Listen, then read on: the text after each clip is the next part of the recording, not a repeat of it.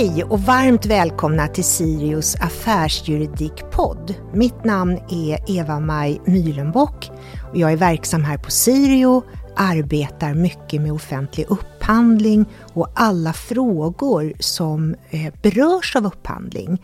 Då inkluderar vi eh, antikorruption, jävsregler, och väldigt eh, breda och stora samhällsfrågor skulle jag vilja sammanfatta mitt intresse för upphandling som. Idag är jag väldigt glad för vi har en gäst här hos oss och det är Morgan Jansson som är inköpschef på Stockholmshem. Varmt välkommen Morgan! Tack! tack. Hur mår du? Jag mår jättebra. Härligt, mm, mm. härligt. Kul att se dig här. Och i dagens läge så är det ju inte, vi är ju inte bortskämda med fysiskt möte. Och nu sitter vi med behörigt avstånd eh, till varandra, så det känns väldigt tryggt och bra. Men ändå att få se en, en levande människa, tänkte jag säga, känns ju extra bra.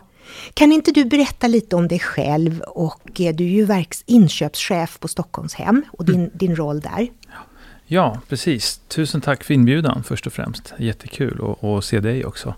Eh, jag jobbar som inköpschef på Stockholmshem, ett allmännyttigt bostadsbolag i Stockholm. Eh, jag eh, har också jag har jobbat med inköp egentligen hela mitt, eh, mitt yrkesliv. Eh, Eh, mest i privata stora företag eh, som är, anser sig vara väldigt duktiga på inköp och upphandling. Jag har också jobbat offentligt i en annan organisation innan Stockholmshem. Eh, jag tycker att inköp är ett strategiskt verktyg att uppnå eh, den organisationens mål eller visioner som man har. Eh, i, idag köps mer och mer av kapaciteten in från externa parter än, än att man levererar själv. Så att inköp får en större och större betydelse för, för den kärnverksamhet som man håller på med.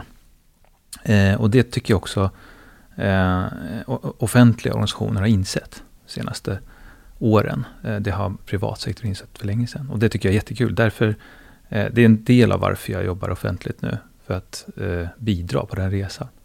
Eh, jag tycker också att det är väldigt meningsfullt att bidra till allmänna. Det kommer vi in på lite senare varför och sådär. Men, men ehm, jag är, har också en roll i, i Stockholmshem där jag är ordförande för en styrgrupp som som leder ett bolagsgemensamt arbete där vi är fem bolag som deltar. Eh, så jag har lite olika roller, eh, men allt, allt förenas av eh, upphandling och inköp kan man säga. Ja, men vad spännande. Mm. Och, och, jag vet, du och jag har ju diskuterat förut, jag vet att vi delar intresset, det här med fair konkurrens. Hur ska man säkerställa att det är så att säga, schyssta leverantörer som får uppdrag av det offentliga och så vidare. Mm. Eh, och där, du kan ju förstås prata jättemycket om det, för jag vet eh, och känner till ditt engagemang. Men jag tänkte, det allra särskilda arbetet som du har gjort, som handlar om egentligen hur, hur ska vi se till, för allas vår bästa, att vi inte tecknar avtal med leverantörer som exempelvis inte sköter sina skatter eller på annat sätt missköter sig. Kan du inte berätta lite om det projektet? Jo. Men först och främst så, så är jag ju eh, engagerad i det allmänna. Jag tycker att det är Eh, Eh, jag har en stor tilltro till det gemensamma. Säger. Jag tror att det behövs. Eh, och då behöver alla bidra lite grann för att det ska bli så bra som möjligt, det som vi har gemensamt som samhällsfunktioner. Och vi köper ju in för eh, 700-800 miljarder kronor i, från det offentliga av privata aktörer. Och då är det givetvis väldigt viktigt att, att det går till, till företag som håller en, en rimlig kvalitet. Så att vi inte får dålig kvalitet i offentlig sektor. Och också att, eh, att, att pengar då som skulle komma in i skatt inte försvinner från det här systemet som, som, som det är tänkt att det ska stötta egentligen. Eh, och, och då har jag sett, eh, upplevt ett, ett problem när det gäller eh, man skulle kunna liksom bakgrundskontroll egentligen av företag. Det, det, vi har ehm, inget bra verktyg för att kontrollera om anbudsgivare till offentlig sektor eh, har allvarliga brister och vi pratar liksom grova allvarliga brister. Inte att man har misslyckats i något uppdrag. Utan med systematik. Där har vi, anser jag, eh, inget bra verktyg. Och det har ju varit tydligt ända sedan 2017 egentligen. Eh, och då eh, eh, ville jag hjälpa till egentligen. Att eh, eh, på något vis eh, hjälpa till att lösa det.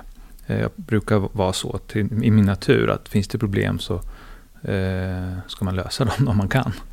Och då eh, startade jag något som heter Sveriges offentliga varningslista. Eh, och eh, lite kort kan man säga att det är en, en, det är en syftet med den eh, är att vi ska kunna dela med oss av information.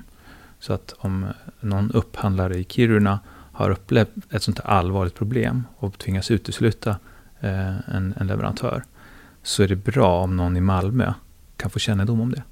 Så att det egentligen är en sorts dela information om viktiga ärenden mellan offentligt upphandlande organisationer, kan man säga. Det är grunden. Eh, och det finns inget sånt forum eller community mellan upphandlare annars, där man skulle kunna göra det informellt. Det här är ju ett, ett sätt att göra det väldigt formellt och styrt och rättssäkert, vill jag understryka också. Eh, så det kan man säga är, är syftet med, med Sveriges offentliga varningslista som lanserades 2019. Mm. Jag kan ju tycka spontant att det är lite märkligt att man inte har kunnat få den här informationen tidigare. Det känns lite liksom trögrörligt, för det är ju förstås så att vi alla mår bra av att, eh, att se till att de som inte ska vinna kontrakt ska inte kunna göra det på ett annat ställe i, i Sverige då. Eh, så det känns ju bra. Va, va, men hur, hur, vilken respons har du fått då på den här listan? Det var ett jättestort intresse, långt större än vad jag egentligen... Eh, jag, förstod att det här var viktigt eftersom jag själv jobbar med de här frågorna. Men, eh, men att det var så stort intresse, eh, det kunde jag inte tro. Det var, tror jag, inom första halvåret, i alla fall inom första året, så var det 150 upphandlande organisationer som, som hade registrerat sig som medlemmar. Och det är nu 50 procent av alla regioner och ungefär 20 procent av alla kommuner som har någon användare registrerad. Vi är över 200 upphandlare, men om jag räknar liksom organisationerna eh, så är det 160 idag eh, ungefär. 163 eh, för att vara noggrann. Det tyder ju på ett stort, stort intresse, men kanske mm. framförallt ett stort behov. Ja, ett stort behov. Och Upphandlingsmyndigheten har ju själva flaggat upp för det här problemet tillsammans med Polismyndigheten. Så det finns ju, vi är inte själva som, som liksom ser det här som ett problem. Men det har inte kommit fram några eh, riktigt bra verktyg eller lösningar ännu. Så det här är ju en, eh, ett bidrag, är det tänkt. Då. Eh, och, och, och gensvaret var ju stort. Eh, skrevs en del också, en hel del i, i fackpressen. Eh, och, och får man en artikel publicerad så där i den så brukar det vara att det har något allmänt intresse. Liksom det är någon sorts tröskel. Så. Mm. Det, det här kanske blir att du kommer att ja. få in många ansökningar också på ja, några som lyssnar, vilket är ju jättebra. Det, det, jag tänker ibland på eh, det här stora problemet som vi har inom upphandling, som känns som att vi aldrig riktigt löser det, det här med, med uppföljning och kontroll. Och det, några av de här frågorna hänger ju ihop med det som du pratar om. Och jag vågar påstå att eh, det finns ett gemensamt intresse. Alla leverantörer vill att avtal ska följas upp och kontrollera, kontrolleras. Eh, och det vill ju också alla förstås beställare. Kan man inte se det här som en del i det också? Att vi har byggt en, en liten byggsten eh, in, inför att följa upp? Det kan det nog vara. Och jag delar din uppfattning att alla seriösa eh, eh företag. Och det är ju såklart alla, de allra, allra flesta. De tycker att det här är en bra idé. För att eh, alternativet för dem det är att de förlorar i konkurrensen mot oseriösa. Och i, eh, drar man den linjen eh, lite längre så innebär det att kanske några seriösa eh, går under och försvinner. Det ser vi ju i byggbranschen idag. Eh, för att nämna någon specifik bransch som jag känner till. Eh, och det blir ett stort problem, för när många seriösa försvinner, då är det bara oseriösa kvar. Och det är svårt att backa det bandet. Så det är ett allvarligt problem när, om det går så långt. Så ser det ju inte ut som tur är i alla branscher. Men, eh, så det, jag har inte fått några på något vis klagomål från företag. Tvärtom så tro, anser de att det finns nog en förväntan av att offentlig sektor handlar av seriösa. Det är klart att, eh, att man förväntar sig det. Och det gör vi ju alla. Ja. Alla vi som är, liksom alla vi är ju skattebetalare och, och vill ju att de här medlen ska användas Mm. På ett bra sätt förstås. Ja, och, och jag har tänkt en del på, eftersom jag har jobbat med, mer i privatsektorn än offentlig, så brukar jag arbeta med, med eh, marknadskrafterna, kanske mer än lagstiftning. Eh, och lagstiftningen den är ju tydlig och, och går att läsa för alla. eh, om, om kapitel 13 i, i LOU. Hur, hur ser det ut, möjligheten att utesluta leverantörer? Men eh, verkligheten och praktiken eh, ser inte ut så. Eh, och då, om man har, tar det där exemplet som med, mellan Kiruna och Malmö, då, alltså på, på skoj. Så om ett företag som är oseriöst vinner kontrakt eh, eh eller blir utkastad i Kiruna då, och ändå vinner kontrakt i Malmö, då finns det kanske inte något incitament att ändra sig. Så det jag ville göra med det här privata initiativet är ju att påverka marknadskra alltså marknadskrafterna om man riskerar att förlora hela den offentliga kunden. Inte bara ett kontrakt. Då, eh, då finns det en, en, eh, en, faktor som man kanske tänker till en extra gång. Eh, att, man är då beredd att ändra sig och säga att Nej, men jag, jag kan inte jobba så längre för jag får inte några kunder i offentlig sektor. Mm. Det är liksom min vad ska man säga, angreppssätt. Även om den är helt baserad på lagstiftning, offentlig lagstiftning, så är mitt angreppssätt att jag vill att, att det ska vara en marknadseffekt av det. Om man. Mm. Det, det, och det har du säkert också tagit del av. Konkurrensverket och Upphandlingsmyndigheten som ju årligen eh, årligen ger ut så statistik eh, som är ju jätteintressant att ta del av. Där vi dels kan se då överprövningar i procent, vi kan se vilka branscher. Och den viktiga frågan då som har varit ett problem länge är ju att eh, vi får för få anbud per upphandling. Och jag är övertygad om att just det här som du pratar om nu är en del av det. För det är ett stort arbete för leverantörer att, att lämna in anbud och då måste man också kunna lita på att det hanteras så här fair, att det är en fair konkurrens och att det inte finns några andra intressen som då, eller någon leverantör som slinker igenom som inte då är värd egentligen ett kontrakt förstås. Mm. ja, men då kommer vi in på uppföljningen. Att mm. jag, jag, upplever nog att de flesta upphandlingar som jag kommer i kontakt med är eh, liksom bra och fair eh, i, i så långt man kan. Men det kan ju vara så att en eller flera anbudsgivare chansar och säger att de här kommer nog inte följa upp så noggrant. Så att jag säger så här i mitt anbud, men jag kommer inte jobba så. Jag kommer jobba på ett annat sätt eller fakturera något annat än det som står där. Um, uh, för att man är van. Man kanske har jobbat med den här beställaren tidigare eller man chansar. Eh, det tror jag är vanligt. Så uppföljningen är en förutsättning för att upphandlingen ska eh, ha integritet och att, att man ska tro på att det blir så som, som vi skriver i kontrakt. Mm, eh, verkligen, mm. verkligen. Mm. Ja, vad spännande. Det, det, Eh, jag tänker lite på eh, den lagrådsremiss som precis kom, som eh, vissa mm. sammanfattar som en, det bidde en tummetott. Ja. den var ju inte riktigt så omfattande förslag som vi kanske hade trott och hoppats, men det kommer ju ytterligare förslag innan sommaren vet vi, som handlar om förenkling. Men om vi tittar på, på det här som nu har, som nu har kommit, där vi har förslag då på ett skyndsamhetskrav i lagen. Och det finns också förtydligande som just rör kapitel 13 där det handlar om uteslutning, hur lång tid ska gå och så. Tror du att det var viktigt, den här tidsgränsen att få ut? Fanns det någon osäkerhet där?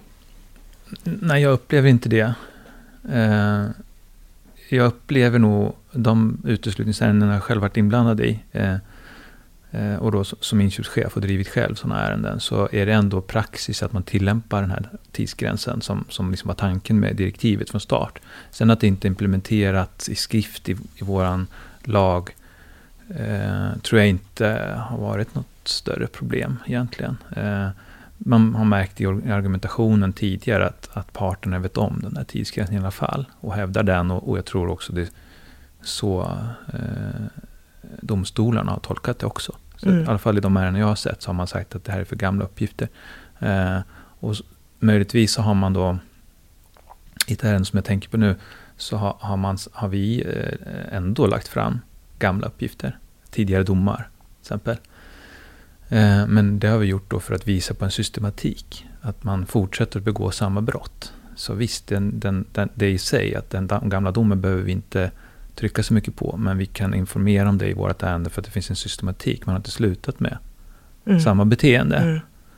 Så att, eh, det, och det tror jag inte vi hanterar nu med den här nya. Utan nu blir det mera Jag kan inte enbart hänvisa till ett gammalt brott, då kommer det inte tas upp antagligen.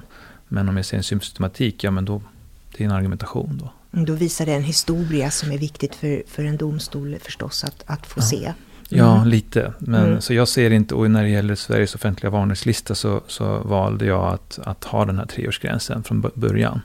Eh, allt eh, äldre än tre år gallras. Eh, för att alla ska känna sig trygga med att man, det är bättre att ta det säkra för osäkra och, och, och hellre fria än fälla. Och så, mm. tycker jag var, var, och det visar sig nu att det var att ganska det var bra beslut. Bra. Ja, ja. ja. Precis.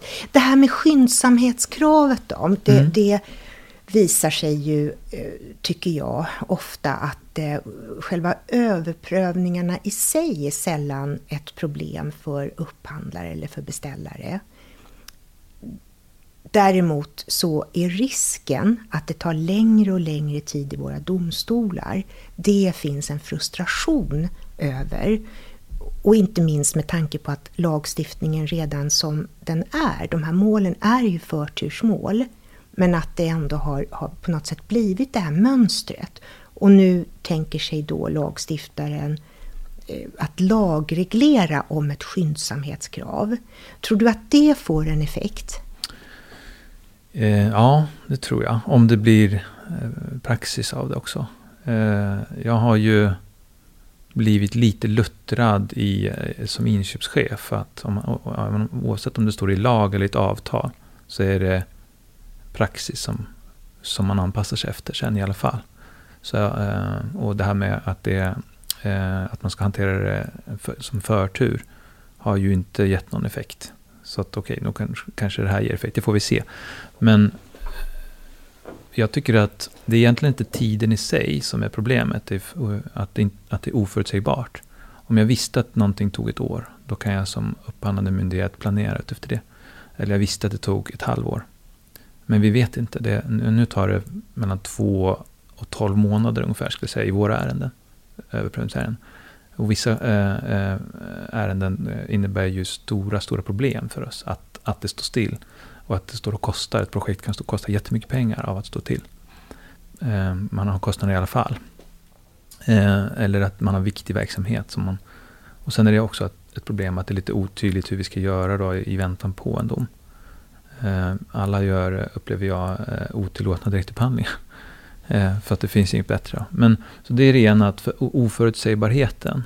Om det kan bli bättre att vi ser nu att nu handläggs allting på max sex månader, då, säger vi.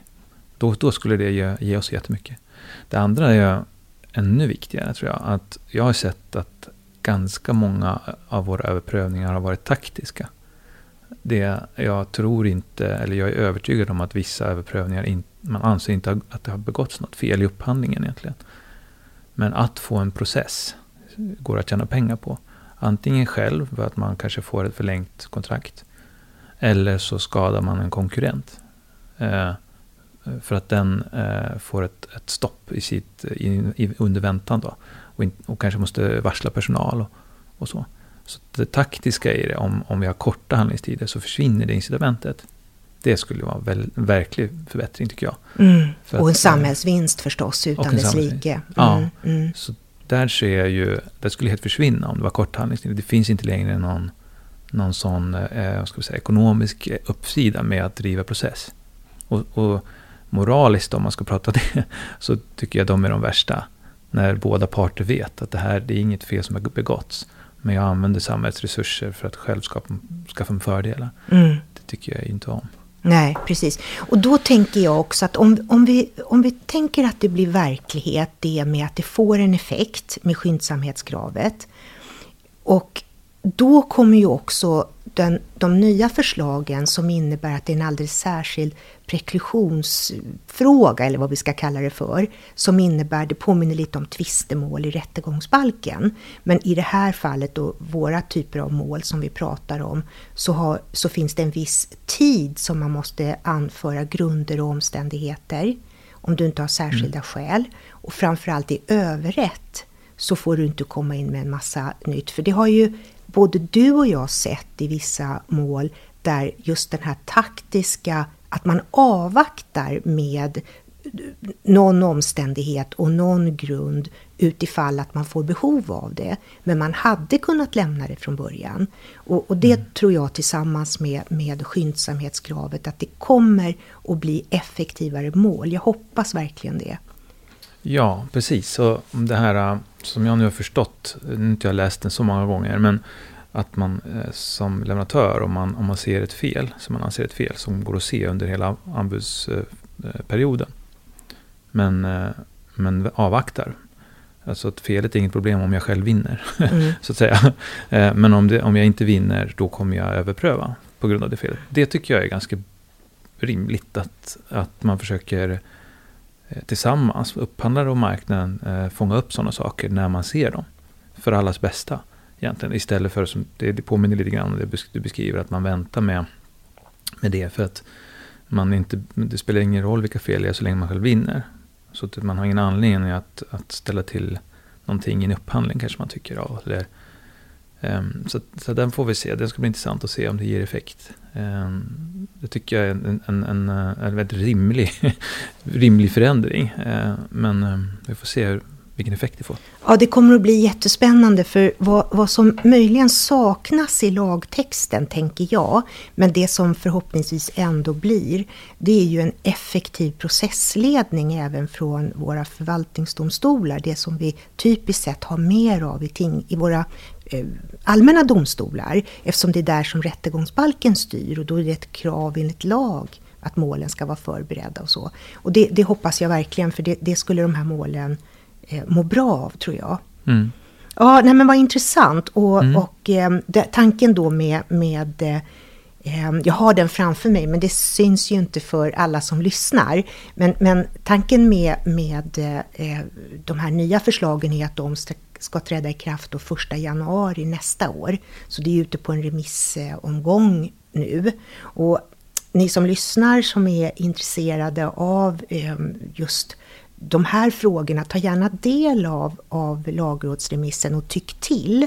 För jag vet att eh, eh, lagstiftaren vill gärna ha in synpunkter. Och där är det ju många stora advokatbyråer till exempel skriver och jag vet att era branschorganisationer skriver. Och det är jätteviktigt så att man får se hela, mm. hela bilden hur det här tas emot. Ja, intressant. Men om vi går tillbaka lite eh, Morgan till, till eh, eh, den här varningslistan. Mm. Hur, ser du, hur ser du framtiden för den? Eh, som jag sa har det varit ett väldigt stort intresse av att eh, ha en sån lista. Det är så jag tolkar det här stora intresset. Men att eh, själv fylla på med egna exempel har varit eh, mycket lägre. Så det har jag brottats med under den här tiden. Jag har försökt ta reda på vad det kan bero ja, på. Eh, jag är övertygad om att det finns exempel där ute. Eh, det kan ju vara lite olika ingångar i varför man, man, man vill titta på andras förslag men inte lägga upp själv. Alltså det, det är alltid, då behöver man vara väldigt, väldigt säker och ha grund för det såklart. Men jag, jag skickade ut en enkät till alla de här eh, som har anslutit sig och frågade egentligen vad, vad, hur ser de på det? Vad, vad ser ni för hinder? Och då var det ett ganska tydligt svar tycker jag. Eh, det var eh, 30%, som alltså tredjedel, tyckte att den juridiska tröskeln eh, för att utesluta en leverantör är eh, för hög. Så att man hade man upplevde sig själv att man hade flera eh, exempel, men där man inte har orkat dra det i, i bevis, kan man säga, då, med allting vad det innebär. Eh, och den tröskeln ska ju vara hög för, för leverantörens skull, men det ska inte vara eh, bedömningsbort det här, utan det ska vara men det var ungefär en tredjedel. Då. Så kan man ju fundera på om man... Eh, och sen var det ungefär två tredjedelar som sa att vi har inga problem. Och det är ju för väl det, tänker jag. Det var ju intressant och, ja. och, väldigt positivt. Väldigt positivt. Eller hur? Ändå har de valt att ha, vara med. Jag har ju bara frågat dem som är intresserade av uteslutning eh, lite djupare. Men, men, men jag tycker också det var ett skönt mm. besked. Men det ligger också något annat i de där, tror jag. Det är ju att man eh, inte kan se problemen tror jag.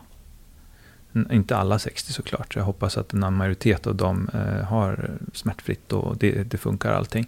Men det är också så att det är väldigt svårt att se. De här eh, uteslutningsgrunderna som de är beskrivna i kapitel 13 eh, är ju inte alls lätt för en upphandlande myndighet att ta reda på själv. Eh, det vill säga brottslighet till exempel.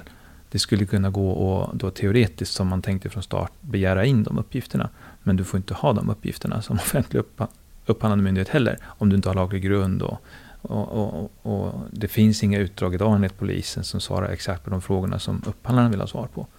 Så, eh, och det är det som Upphandlingsmyndigheten och Polismyndigheten har skrivit om till regeringen. Det här Ja, det hade man, just den delen hade mm. man ju verkligen hoppats på att det skulle komma att det skulle vara löst nu så att det skulle finnas med redan här. Ja, verkligen. Att verkligen. kunna få ut registerutdrag, för det mm. önskar mm. ju alla. Ja, och det, det, det, är ju, nu är man ju eh, rekommenderad av, av myndigheten att använda en sanningsförsäkran.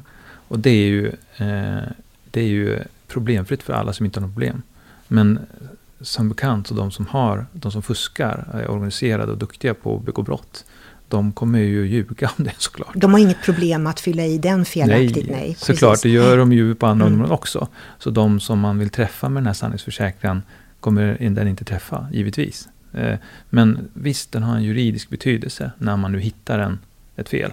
Så, så kan man bli då, eh, så är det ett brott att, att ha skrivit den där sanningsförsäkran. Så eh, det, det finns ett litet såklart verktyg i det juridiskt sett. Så det köper jag också. Men det löser inte vår utmaning anser jag. Där behövs det, och det, jag håller på att titta på lite sådana lösningar. Som jag själv kanske kan bidra lite med. För att eh, ge skarpa verktyg till upphandlande myndigheten utan att för den skull eh, bryta mot några eh, personuppgiftshanteringslagar eller GDPR. Då, eh, och inte ge information som, som man inte vill ha. 99% är säkert så eh, har inte begått något brott och de, ska inte, de uppgifterna ska inte finnas någonstans hos någon. Um, och det finns lösningar på, på, på, det där. Vad spännande! Det låter som eh, ett En nytt, teaser. Ja, det låter som ett nytt poddavsnitt. För, mm. för eh, jag antar att du har inte kommit så långt så att du kan liksom, utveckla det närmare, utan bara att arbetet Nej, jag pågår. Inte, arbetet pågår. Det kommer så pass långt att jag vet att det är tekniskt jämförbart. Och det var ju det första steget. Eh, men det, det, krävs ganska mycket utveckling. Så att, som måste liksom bekostas. Det här, eh, Sveriges offentliga varningslista kostade inte så mycket och det, kunde jag, det gjorde jag ideellt. Det finns ingen kostnad för användarna, utan jag ser det som mitt bidrag. Men det andra kommer inte gå att göra så. Det är alldeles för eh, tekniskt komplicerat. Men, eh, eh eller tekniska timmar behöver läggas. Det är inte komplicerat egentligen, men det, men det tar tid ändå att bygga en sån här bra finurlig lösning. Den är, om jag får säga själv, löser ett, ett, ett gigantiskt problem som är ett jättekliv. Om Snacka man har om den här. teaser. Verkligen. Ja, men jag, jag, nu hör jag, jag, tror, jag är lite kanske part i målet här, men jag vill ju ha den lösningen själv. Ja, vad intressant. Ja. Jag är mm. inte säker på att jag var mm. tydlig med det Morgan i inledningen här. Att det här är ju det här arbetet som du har gjort med den här listan. Det gör du ju så att säga ideellt utöver ditt, ditt arbete. Det har egentligen ingenting med, med din roll som inköpschef. Mer än att du har förstått problematiken på ett väldigt tydligt sätt och velat bidra att lösa det. Mm. Och det tycker jag är värt eh, extra beröm. Självklart. Ja, det, tack. Eh, jag tycker ju att eh, alla har någon typ av skyldighet att hjälpa till, till men om man nu har förutsättningar eller kan. Men för Stockholmshem finns det, vi kan inte och, och driva frågor som är av nationellt intresse. Det, det kanske man kan, men kommunallagen eh, beskriver ju hur vi ska operera egentligen. Så att, eh, då frågar jag om jag fick göra det här på ideell basis. Eh, och det är klart att det inte ska krocka någonstans. Intresse jag är ju först och främst eh, inköpschef på Stockholmshem. Eh, men det här är ett sidoprojekt som vi alla har glädje av. Och då för säkerhets skull så är det också inga intäkter. Det finns ingen, jag tjänar inga pengar på det här. Eh, eh, jag hoppas att det ger nytta ändå egentligen. Jag ser det lite grann som, du vet man jobbar ideellt, man kanske är tränare i ett fotbollslag några år eller, eller ställer upp i styrelsen i bostadsföreningen. Så ser jag på att bidra till det allmänna. Eh, eh, det känns bra, det är meningsfullt. Eh, och om alla gör lite grann så blir det ju bra. Det känns lite som att det där blev den mest perfekta avslutning jag kan tänka mig. Eh, och kanske lite uppmaning också till alla som lyssnar att om vi alla bidrar lite grann så blir det bra. Och inte minst har väl det varit tydligt nu i den situation som vi befinner oss i med pandemin. Att många kanske hjälper någon äldre i huset att handla och någon annan hjälper till på ett annat sätt. Men, men om vi alla bidrar så blir, så blir det bra. Och med det skulle jag vilja tacka dig så jättemycket Morgan. Och den här teasern, tänker jag, den är ju som en, en inbjudan, en kommande inbjudan. Eh, när vet jag inte, det får du höra av dig om det är om ett halvår eller om ett år. Och jag är övertygad om att den här frågans eh, aktualitet kommer att vara lika stor då. Och då kanske vi också har fått nya lagförslag som vi kan diskutera och få dina värdefulla synpunkter på. Så att om du inte känner nu att det var någonting du gärna skulle vilja föra ut eh, så känner jag mig jätte, jätte nöjd och tacksam. Nej, jag har ingenting. Eh, Nej.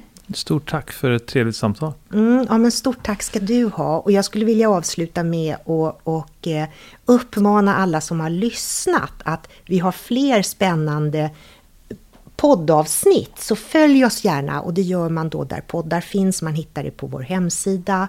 Eh, och ni kommer hitta mycket matnyttigt. Men just det här avsnittet får ni förstås inte missa. Tack så mycket för idag.